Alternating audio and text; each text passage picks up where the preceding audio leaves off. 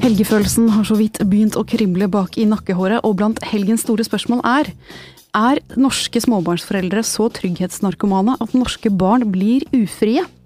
Har kvinner andre grunner til å være utro enn menn? Og leger som gjør forsøk på seg selv for å bringe vitenskapen fremover. Er det galskap eller genialskap? Med meg i studio er komiker og skuespiller Jon Niklas Rønning, velkommen. Takk, takk. Vi har psykoterapeut og psykolog Bianca Schmidt, hei til deg. Hei, hei. Og professor i medisin Audun Stubhaug, godt å ha deg her. Takk, i like måte. Vi skal starte med den gale og geniale legevitenskapen. Ehm, I ukas VG-helg så har vi en sak om den britiske helseguruen Michael Mosley. Han er lege og er kjent for å ha vært med å utvikle 5-2-dietten, og har sin egen TV-serie som heter Trust Me, I'm a Doctor. Og denne dr. Mosley han nøyer seg ikke med å fortelle om sykdommer, han tester dem på seg selv. Han har infisert seg med bendelorm og lus, han har ruset seg på giftig sopp og spist blodpudding laget av sitt eget blod. Eh, dette låter jo som litt ekstreme greier, men det at leger utfører eksperimenter på seg selv, Stubhaug, det er jo ikke noe nytt? Nei, det er ikke det. Det har forekommet eh, langt bakover i historien, og noen ganske store oppdagelser også kommet på den måten. Eh, for eksempel har, fant man ut hvordan gulfeber smitter. Har, det er to nobelpriser i medisin som har bakgrunn i celleeksperimentering. Siste var så sent som i 2005. Ja, for det var han som testet magesårbakterien, det? Ja, det var en, eh, to australske leger som eh, hadde veldig problemer med å overbevise eh, resten av den medisinske verden at magesår skyldtes en bakterie som heter helicobacter pylori. Og deres problem var at det var ikke så lett å gjøre dyreforsøk, fordi det viser seg at den bakterien lager magesår hos primater bare, altså hos mennesker og aper, og ikke hos de, de forsøksdyrene man gjerne bruker. Ikke hos de små hvite kaninene? Ja, akkurat. Så da endte de opp med å ta en blanding av eh, magesår, magevæske fra pasienter med magesår og spise det selv. Au. Drikke det selv. Au. Eh, og de ble da dødssyke, eller? Nei, da fikk utviklet eh, de eh, symptomer på magesår. Med svie i brystet og halsbrann og slik, og så gjorde de eh, gastroskopi på seg selv og tok prøver. Og så gikk det fortsatt ganske mange år før de greide å gjøre eh, forsøk som overbeviste verden om at dette skyldtes eh, denne bakterien. Og det har virkelig revolusjonert behandlingen av denne sykdommen. Og gjør vel kanskje at vi utrydder en del av den bakterien etter hvert. og det forebygger både magesår og også magekreft. Mm. Du har faktisk selv vært med i eksperimenter, du, som du har testet på deg selv? Ja, eh, det har jeg. Eh, og jeg driver med smerteforskning, og da betyr det at du utsetter forsøkspersoner for ubehag. Og da syns vi jo vi at det er veldig greit å vite hvordan det kjennes eh, før vi utsetter andre for det. Så det, det, er veldig vanlig for oss at vi tester om igjen og om igjen eh, de forskjellige testmetodene på oss selv. Ja. Så hvis man utvikler en ny bedøvelse f.eks., så utsetter man seg selv for smerte for å se om bedøvelsen virker? Eh, ja, delvis i hvert fall. Noen Eh, når det gjelder medikamenter og sånn, så er det veldig strengt lovregulert av hva vi har lov til å gjøre. Og det var nok litt eh, eh, lettere tidligere. Men eksempel så har de etiske reglene for hvordan vi gjør eksperimenter, de har jo endret seg i løpet av de siste tiårene. Det såkalte Helsinki-deklarasjonen den ble laget etter annen verdenskrig, og hensikten med det var å, den var å hindre at vi fikk medisinsk kunnskap som var vi hadde fått på uetisk måte. F.eks. gjennom eksperimenter eh, i konsentrasjonsleirene. Mm. Så det er det faktisk forbudt å spre kunnskap som er ervervet på den måten. Så derfor lagde man den regelen at eh, det ikke var lov å gjøre forsøk som var eh, skadelige eller dødelige.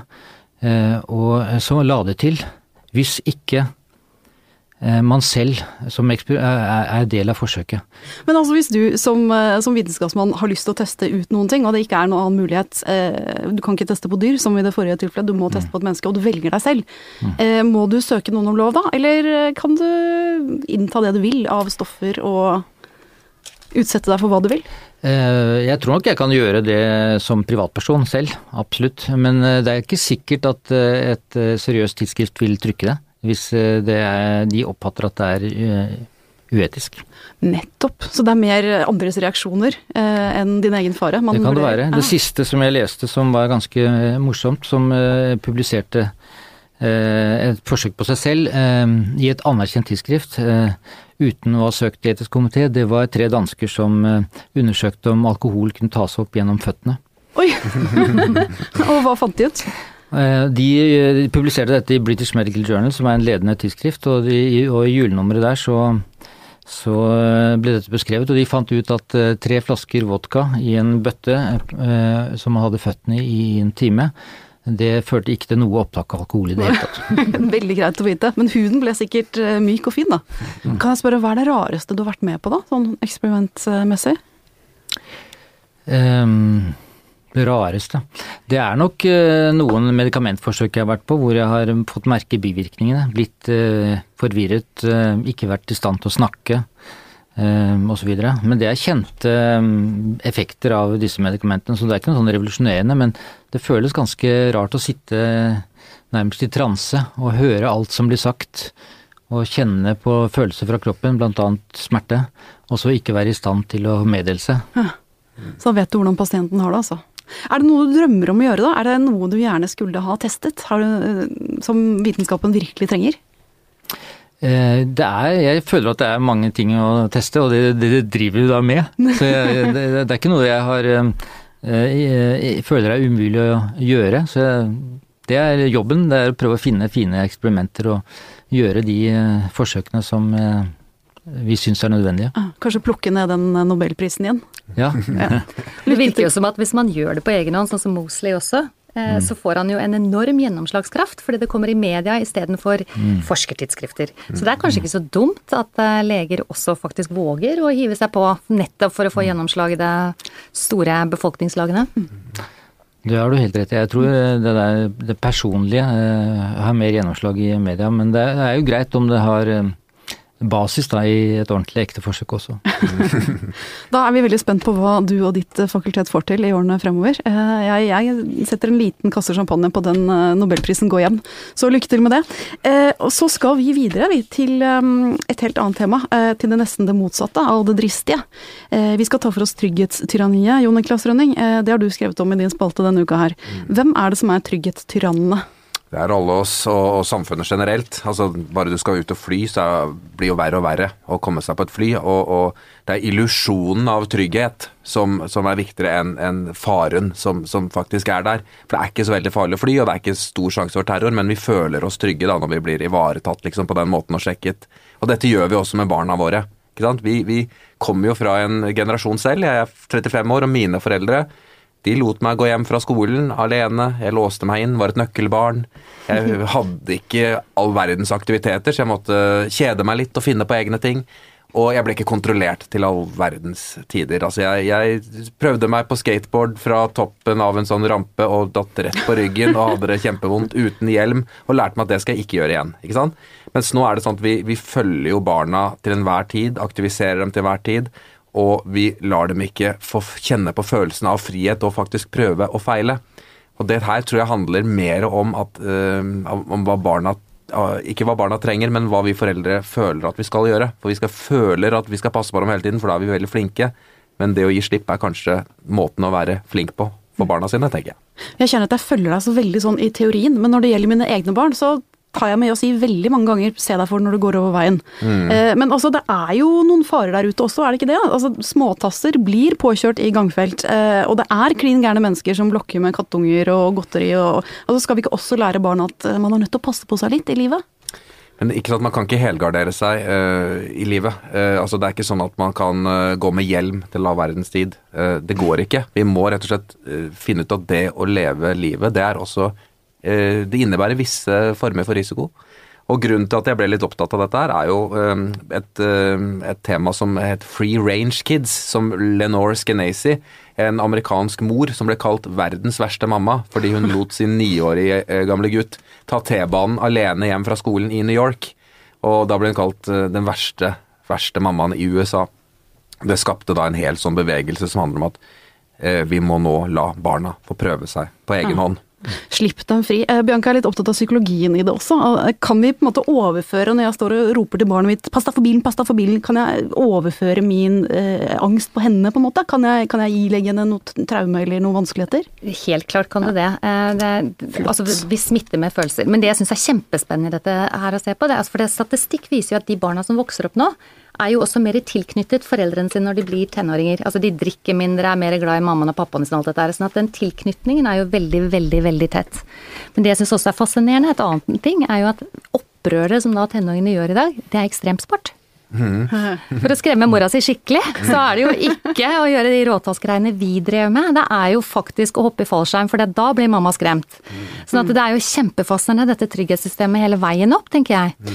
Audun, jeg har lyst til å spørre eh, medisinprofessoren i gjengen også. Eh, dette med at, altså Vi hadde en overskrift i VG på mandag som het 'La barna falle'. Eh, Norsk Speiderforbund vil at barn skal klatre mer i trær og falle mer ned fra trær. Faller de, så faller de, og slår de seg, så slår de seg. Stemmer det at barn liksom fysisk har bra og blør litt i panna og måtte få noen sting og brekke en arm? Eh, altså, eh, vi, kroppen vår er jo laget for, med et varselsystem, at vi skal lære gjennom eh, vanskelige erfaringer. og Smertesystemet vårt f.eks., det er jo laget for at vi skal lære oss hvordan vi eh, skal overleve i et uh, ugjestfri verden. da. Eh, Så sånn sett så er vi jo avhengig av erfaringer. Så helt riktig at hvis du, hvis du skjermer deg for en rekke erfaringer, så er det en del ting du ikke lærer. Så, eh, men det er en balansegang der, og jeg tror er, det er ikke sånn at det er stor forskjell på barna. At noen barn kan du slippe ganske langt eh, og føle, tenke at de, de har ser varsellampene, mens andre er eh, troende til litt av hvert, for å si det sånn. Andre må du leie over gata Ja. til de er 15. Ja, men jeg tror at vi eh, som foreldre nå, vi nesten alle passer enormt mye på ungene sine. Nesten overdrevet mye. Og, og jeg, jeg gikk hjem fra skolen da jeg var sju år. Altså jeg, og det var én kilometer, altså. Og, det, og, og det, nå, er det, nå er det sånn at foreldrene, eh, de eh, i, I det amerikanske prosjektet, da, Free Range Kids, som, som eh, Lenore Skenazy arbeider med skolene om, så sier de la foreldrene gjøre én unik ting eh, la barna, gi dem, gi dem mulighet til å gjøre én unik ting hver uke som, som de ikke har fått lov til. F.eks. gå hjem fra skolen alene en dag. Eller gå i parken alene en dag. Det er voldsomt vanskelig for de foreldrene, eh, selv om de er ni-ti år. Men når de da får lov til å gjøre det, så viser det seg at det går bra, og begge lærer at det er mulig å slippe fri, og både foreldrene og barna blir stolte av det og føler seg mer voksne, da. Men Jon Niklas, du skriver jo også at da vi var små, så ble vi avvist. Altså, Noen av oss eh, sto der i hver gymtime og ble valgt sist, og kjente på skammen og, og taperstatusen. Mens nå er det alskens sånn kom og bli med og vær en venn og antimobbekampanjer, og man deler ut priser til de som ikke er naturlige vinnere, og de som ikke ikke måte på hva man gjør for å hindre den type situasjoner.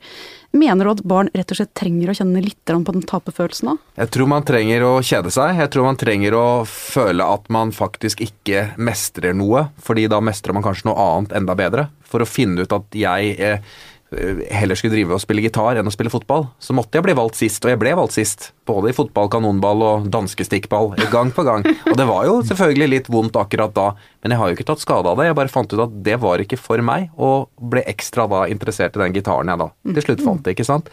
Eh, Mens nå er det sånn at man får medaljer for hver minste ting. Går, hvis man ser ut på gutterommene rundt omkring og jenterommene, så er det sånn tolv sånne gullmedaljer som henger på veggen. Den beste benksliter Norway Cup 19, altså 2014. Liksom. Altså det, er, det er på en måte ikke noen sånn Det er ikke lenger eh, mulig å være dårlig i noe. Og hvis man aldri er dårlig i noe, hva er man da bra i? ikke sant? Hva er man da dyktig i? Hva er det som inspirerer deg? Og hvis du aldri kjeder deg, hvis du hele tiden blir passet på at foreldre, foreldrene løper rundt deg og skal aktivisere deg som en sånn levende eh, PlayStation-maskin, liksom, hva, hva gjør man da i hodet sitt? Man, man lar aldri fantasien eh, komme. Man lar aldri oppdagerinstinktet trenge fram, da. Jeg tror vi nærmer oss eh, en konklusjon som er litt brutal. Vi må både la dem slå seg og kjenne på tapersidene i livet, og, og slippe dem helt løs. Eh, Ja, godt råd, Bianca. Absolutt. Altså Man kan ikke kjenne det gode hvis man ikke også har kjent det vonde. Sånn er det. Det er kontrastene vi kjenner med. Åh, jeg fikk litt vondt i magen, men ok. Samme her. Jeg veldig vondt i magen, jeg òg. Dagens siste tema det går rett inn i folks soverom. Vi skal snakke om kvinnelig utroskap. Eh, for det er nemlig slik at i en sak som kommer på trykk i VG, på, nei, VG søndag, så kan man lese at nå har kvinner tatt igjen menn på utroskapsstatistikken. I noen aldersgrupper er det til og med flere kvinner enn menn som er utro. Dette altså da ifølge norsk og amerikansk forskning. Eh, og Bianca, du er jo da psykoterapeut og psykolog. Eh, skal vi kalle disse tallene en seier for likestillingen, da, eller? Jeg vet ikke om vi skal kalle det, for nå er det vel de færre som på en måte feirer utroskap. Ja, kanskje det. Men Spørs hvor dårlig forholdet er, da. Noen ganger så kan man jo si at endelig var utro, da ble vi ferdig med greiene. Så har vi en gyldig grunn til å komme ut av det. Men. Det fins de også. Men eh, det, altså man pleier å si at det er litt forskjellige grunner til at det tipper over den grensen til at man faktisk ender opp med å være utro blant menn og kvinner. Men vi, altså hvis vi tar forutsetning da, at man har en holdning på at utro skal man ikke være, så holder man igjen og holder man igjen og holder man igjen. Men hvis det trykket som gjør at det ikke er ok å være der du er, blir stort nok, så kan det skje med hvem som helst at man tipper over. Men det som frister en mann, er ofte litt annerledes enn en kvinne. Og der er også med seksuell tenning å gjøre. For man pleier jo å si at kvinner har et mer flyktig tenningsmønster enn hva mannen har. Det må være riktig, altså det er fryktelig komplisert med oss damer. Det skal være riktig stemning, riktig følelse. Det skal kjennes riktig. sånn at Det som tente oss på forrige torsdag, det tenner oss ikke nødvendigvis på fredag, og i hvert fall ikke neste lørdag. Det er ganske kaotisk, det hele. Ja, De sier at kvinner trenger en grunn til å ha sex, menn trenger bare et sted. Ja. Og det er jo en klisjé, men det er mye sant i den. Men hele veien så er det denne relasjonelle følelsen kvinner er på jakt etter. Og hvis hun lever i et forhold hvor hun ikke har det godt med partneren sin, altså ikke føler seg elsket, sett, bekreftet, alle de tingene, så er det jo et savn. Eller til og med også hvis hun ikke har det godt med seg selv. Altså Hvis hun er misfornøyd i sitt eget liv og der dermed savner følelsen av å være lykkelig og bli sett, for det får man jo ofte via å bli sett av en annen, og den følelsen trykker på, trykker på, trykker på, trykker på, så er man på konferanse, har drukket fire glass vin for mye, og så er det en som ser deg. Og virkelig møter deg og gir deg den der godfølelsen. Knips, så er det gjort. Så vi kan egentlig si at når kvinner er utro, så er det mannen som har skylda, mens når menn er utro, så er det også han som har skylda. Helt klart! Men du, altså det er jo, noen er jo uenig i dette her. Det er noen uh, andre eksperter i den saken som sier at nei, nei, det handler heller om at kvinner er uh, like mye på jobb som menn. De jobber like sent som menn, går på like mange jobbmiddager. Og så har de like lyst på litt sånn følelsestom og uforpliktende sex som det menn har. Men den kjøper du ikke. Nei, altså det, det, er selvfølgelig igjen da, dette som får oss til å knipse over til å være utro, at tilgjengeligheten og mulighetene for å være utro er større, det gjør jo at sjansene blir større òg. Det sier seg selv, så den er jeg helt med på. Men at det er noen små forskjeller mellom menn og kvinner, det står jeg helt på. Men det handler mest om årsaken til at de gjør det. Eh, men det er jo klart også at denne spenningen som da kvinner eventuelt søker, hvis vi følger den tråden, for det er jeg helt med på at vi også kan gjøre, så er det allikevel denne følelsen av spenning av å bli, eller denne gode følelsen av å bli sett, bli bekreftet, selv om de kanskje der og da skjønner at det blir jo ikke varig, men det er i hvert fall deilig akkurat nå da, mm. ikke sant. Ja. ja. Når alt er så grått hjemme. Ja. ja. Eh, Knut Hamsun skrev jo om Ingrid i, i Markens Grøde at hun var dydig av mangel på fristelser. Og da er jo det at det, eh, det, du nevner om at uh, man er på mange flere arenaer, så får man vel også flere fristelser, så mm. Kanskje ja, det, var, det, er noe der. Det var vanskelig når det var liksom en kilo eller en mil mellom hver bondegård. Da var det vanskeligere å være utro. Mm. Det, det, er noe med det. Så. Og så hadde du stallgutten, da. ja, du hadde jo det, selvfølgelig. Ja. Alle ville være stallgutten. Ja. En annen ting som jeg merket meg da jeg leste denne saken, da, det var at samtlige eksperter som er intervjuet, sier at om du da har gått over streken, om demningen har bristet, eh, og du gjorde noe som du ikke skulle ha gjort, så er det slett ikke sikkert at du skal fortelle det til partneren din. Eh, ta heller og hold det for deg selv. Altså, Så mye for full åpenhet. Hvorfor skal man ikke det? Er det ikke bedre å bare legge kortene på bordet? Vet du hva, Det der er en av de vanskeligste spørsmålene jeg får. Hva er riktig å gjøre? Er det å dele, eller er det ikke? Fordi altså Jeg tror jo på, i bunn og grunn, at et tillitsfullt forhold hvor man er åpen og ærlig, det er det beste. Men hvis man har sklidd utpå, og man, altså det ikke er følelser involvert, altså man har gjort noe forferdelig dumt, man kjenner deg helt utenfor vanlig holdning, mening, moral, alt av hva man står for, og man vil at dette forholdet skal fortsette, så er spørsmålet om det er riktig å dele det, og hvem er det det vil påføre mest smerte om du deler. Mm. Så det utro svinet får heller tåle tyngden av det en selv har gjort. Hva tror du om det, Jon Niklas? Jeg tror man skal eh, bære den ryggsekken alene, eh, som hvis man har vært så dum og uheldig å gjøre noe sånt noe. Så får slippe de der bildene som setter seg Ja, jeg tror den filmen som eh, surrer rundt i hodet da, den, den eh, er jo ikke den, den er ikke særlig hyggelig, altså. Og, det, og jeg tror også den har en eh, Det der om det var følelser med eller ikke, det tror jeg er ganske uvesentlig. eh, fordi du ser handlingen, du ser, du ser det hele i hodet, og du ser den du elsker i armene på en annen. Og det er ikke et pent bilde å ha i hodet, altså. Og så er det noe med at den utro sier nei, men det var ikke noen følelser involvert. Men den som, for den som ble bedratt, så kan det jo være veldig følelsesladd. Altså, Ja, det er nettopp det. Det Ekstremt. det.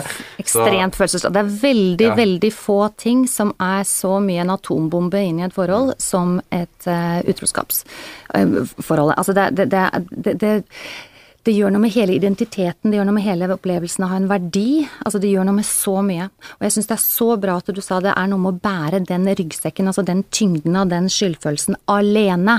Og du sa alene, og jeg ble veldig glad for det. For det ofte så begynner man å dele det med én venn. Ja, ikke sant? Kanskje en venn til. Og hvis dette en eller annen gang blir oppdaget, og du får vite at ikke bare kjæresten din, men vennene til kjæresten din har gått rundt og visst at han var utro, den eneste som ikke visste det var meg. Ja, det, er det, det tror jeg må blir det verste. altså. enda verre. Så det er sjelden jeg sier oppsøk profesjonell hjelp, profesjonell hjelp, men akkurat på dette så sier jeg ikke bruk vennene dine. Oppsøk profesjonell hjelp, sånn at du faktisk kan bære ryggsekken alene, men gjør noe med skyldfølelsen. For ingen av oss blir bra mennesker av å ha dårlig samvittighet. Vi tror vi blir det, men vi, vi går i forsvar mer, vi føler dårlig om oss selv. Altså kjærlighetsevnen skrumper inn når vi føler oss elendige. Så gjør noe med skyldfølelsen. Det får deg ikke til å forhindre deg til å være utro en gang neste gang. Det kan til og med være motsatt. Så virkelig gjør noe med den, og gjør det som profesjonell, så du kan holde dette tight rundt deg selv og bare deg. Fikk jeg litt sånn vondt i magen igjen. Ja, vær så god. jeg, jeg vet ikke om det er helt parallelt, men eh, fra medisinen vet vi jo det at eh, hvis det er noe du vet halvveis, f.eks. hvis barn vet noe skrekkelig som har skjedd, men de vet ikke alt, så danner det seg veldig ofte eh, fantasier som er skrekkelige, og at det da er eh, å få vite egentlig hva som hvordan ting var. Hvordan eh, eh, det, ja, det kan være viktig, og det vet vi er, har med bearbeiding av problemer å gjøre. Og den kunnskapen som vi har da med hvordan ja, folk som er i krisesituasjoner, eh, alvorlige eh, dødsfall i familien osv., at virkeligheten ofte er bedre enn fantasiene som du går og danner deg. Å ja. Så hvis det først lekker ut, så bør man ikke spare på informasjonen. Ja, altså, da jeg, bør man jeg, jeg, jeg kan tenke meg at hvis det er noe du vet halvveis, og du går og grubler og det vi kaller i psykologspråket, da, ruminerer over, altså liksom eh, ikke blir ferdig med, at da, eh, som du sier, sikkert lurt å søke hjelp, men da må du kanskje gjøre noe for å komme videre. Men dere, nå føler jeg vi er liksom, vi har vasset langt ut i tragedien her. Er det noe vi kan gjøre for å forebygge? Fordi at det er jo denne liksom eh, To drinker for mye og dårlig innfall på fest kan jo ende i såpass graverende ting som vi har snakket om her. Altså, Skal man skrive 'ikke gjør det' inni håndflata når man går på jobbfest, eller hva, skal man gjøre for å holde seg i, i skinnet? Jeg tenker at hvis du har kommet dit hen at du må skrive 'ikke gjør det i håndflata' når du går på fest, da er det allerede langt ute å kjøre. Kan, kan noen vise meg håndflatene deres nå? Så, Ja. ja, heldigvis blanke alle sammen. Ja, det er bra. Ja. Selvfølgelig er det noe man kan gjøre å forebygge. Eh, eh, og det er jo et ansvar vi har hele livet igjennom. Og det er alltid å virkelig ha en kontinuerlig oppfølging på hvordan har jeg det egentlig i livet mitt. Er jeg lykkelig? Føler jeg jeg har mening? Føler jeg jeg blir sett? Føler jeg meg elsket? Og sørge for at det er påfylt hele tiden. Og hvis det er trøbbel i forholdet, så ta det nå. Ikke vent til du på en måte henger etter fingertuppene i forhold til å hive deg til neste potensielle partner som kommer forbi. Mm. Så hvis du kjenner du har lyst på noe eh, som du ikke burde hatt lyst på, gå hjem og ta en prat med partneren. Ja. Med eller uten klær. Eh, Helst uten klær, selvfølgelig. Jeg tror det funker eh, veldig bra som regel. Men det er jo kanskje det som er problemet, at det er altfor mye prat med klær i forholdet. Og så blir det, trenger man den ene samtalen uten klær med noen andre. Og den, den skal man jo helst unngå. Og det bør ikke være medarbeidersamtale med sjefen heller. Men, men sånn er det bare. Vi er nødt til å, å la samtalen om utroskapen fortsette der ute i den virkelige verden, utenfor podkaststudioet. Nå er det faktisk helg. Eh, har du noen tips til helgen, Bianca? Hva skal man gjøre? Åh, da blir det jo denne sjekkingen da, med hvor er du i livet ditt, hvordan har du det? Bruk helgen litt til å virkelig kjenne etter på forskjellige arenaer i livet ditt. Hvordan har du det? Har du det bra? Hva skal gjøres? Audun? Jeg vil jo eh, si at hvis du vil teste eh, din egen smerte, som jeg jeg driver med prosjekt med, så har jeg én ufarlig metode, og det er å ta en eh, pose med isbiter opp i kaldt vann, og så blande det godt. Da, får vannet tilnærmet temperatur én grad. Hvis du vil teste din egen smertefølsomhet, så putter du hånden oppi. Og hvis du tåler to minutter, så er du veldig tøff. Men da skal du ta den ut før, det, før du fryser får frostskader. Det er fin avstraffing for utropartner òg. Ja, og det, er, og det er da det er ikke selvskading. Det er eh, Det vil jeg ikke anbefale. Altså mer Vær tøff, men ikke, ikke, ikke, ikke tøffere enn det. Nettopp. Mm. Jon Niklas? Du, jeg skal være snakke av eget hjerte nå, for nå føler jeg virkelig én ting jeg oppdaget nylig som var helt fantastisk. Jeg hadde mobilfri helg. Eh, lot mobilen bli hjemme. Eh, hele helgen skrudde den av, tok ikke telefonen. Jeg opplevde verden på en helt ny måte. Ingen sosiale medier, ingenting. Det var helt fantastisk. Bare en helg. Helg uten. Jeg hadde til og med spørre en om veien til en restaurant. Og da snakket et menneske som kunne fortelle meg veien dit. Vi brukte Google Maps en gang. Vi var veldig veldig stolte av oss. Fantastisk. Da tar vi og slukker og lukker for alvor. Det er ingen som kommer til å høre noe fra oss hele helgen, for alle går i svart på mobiltelefonene sine. Det gjelder også vår produsent Magne Antonsen. Eh, takk til dere som var gjester. Vi høres igjen neste uke.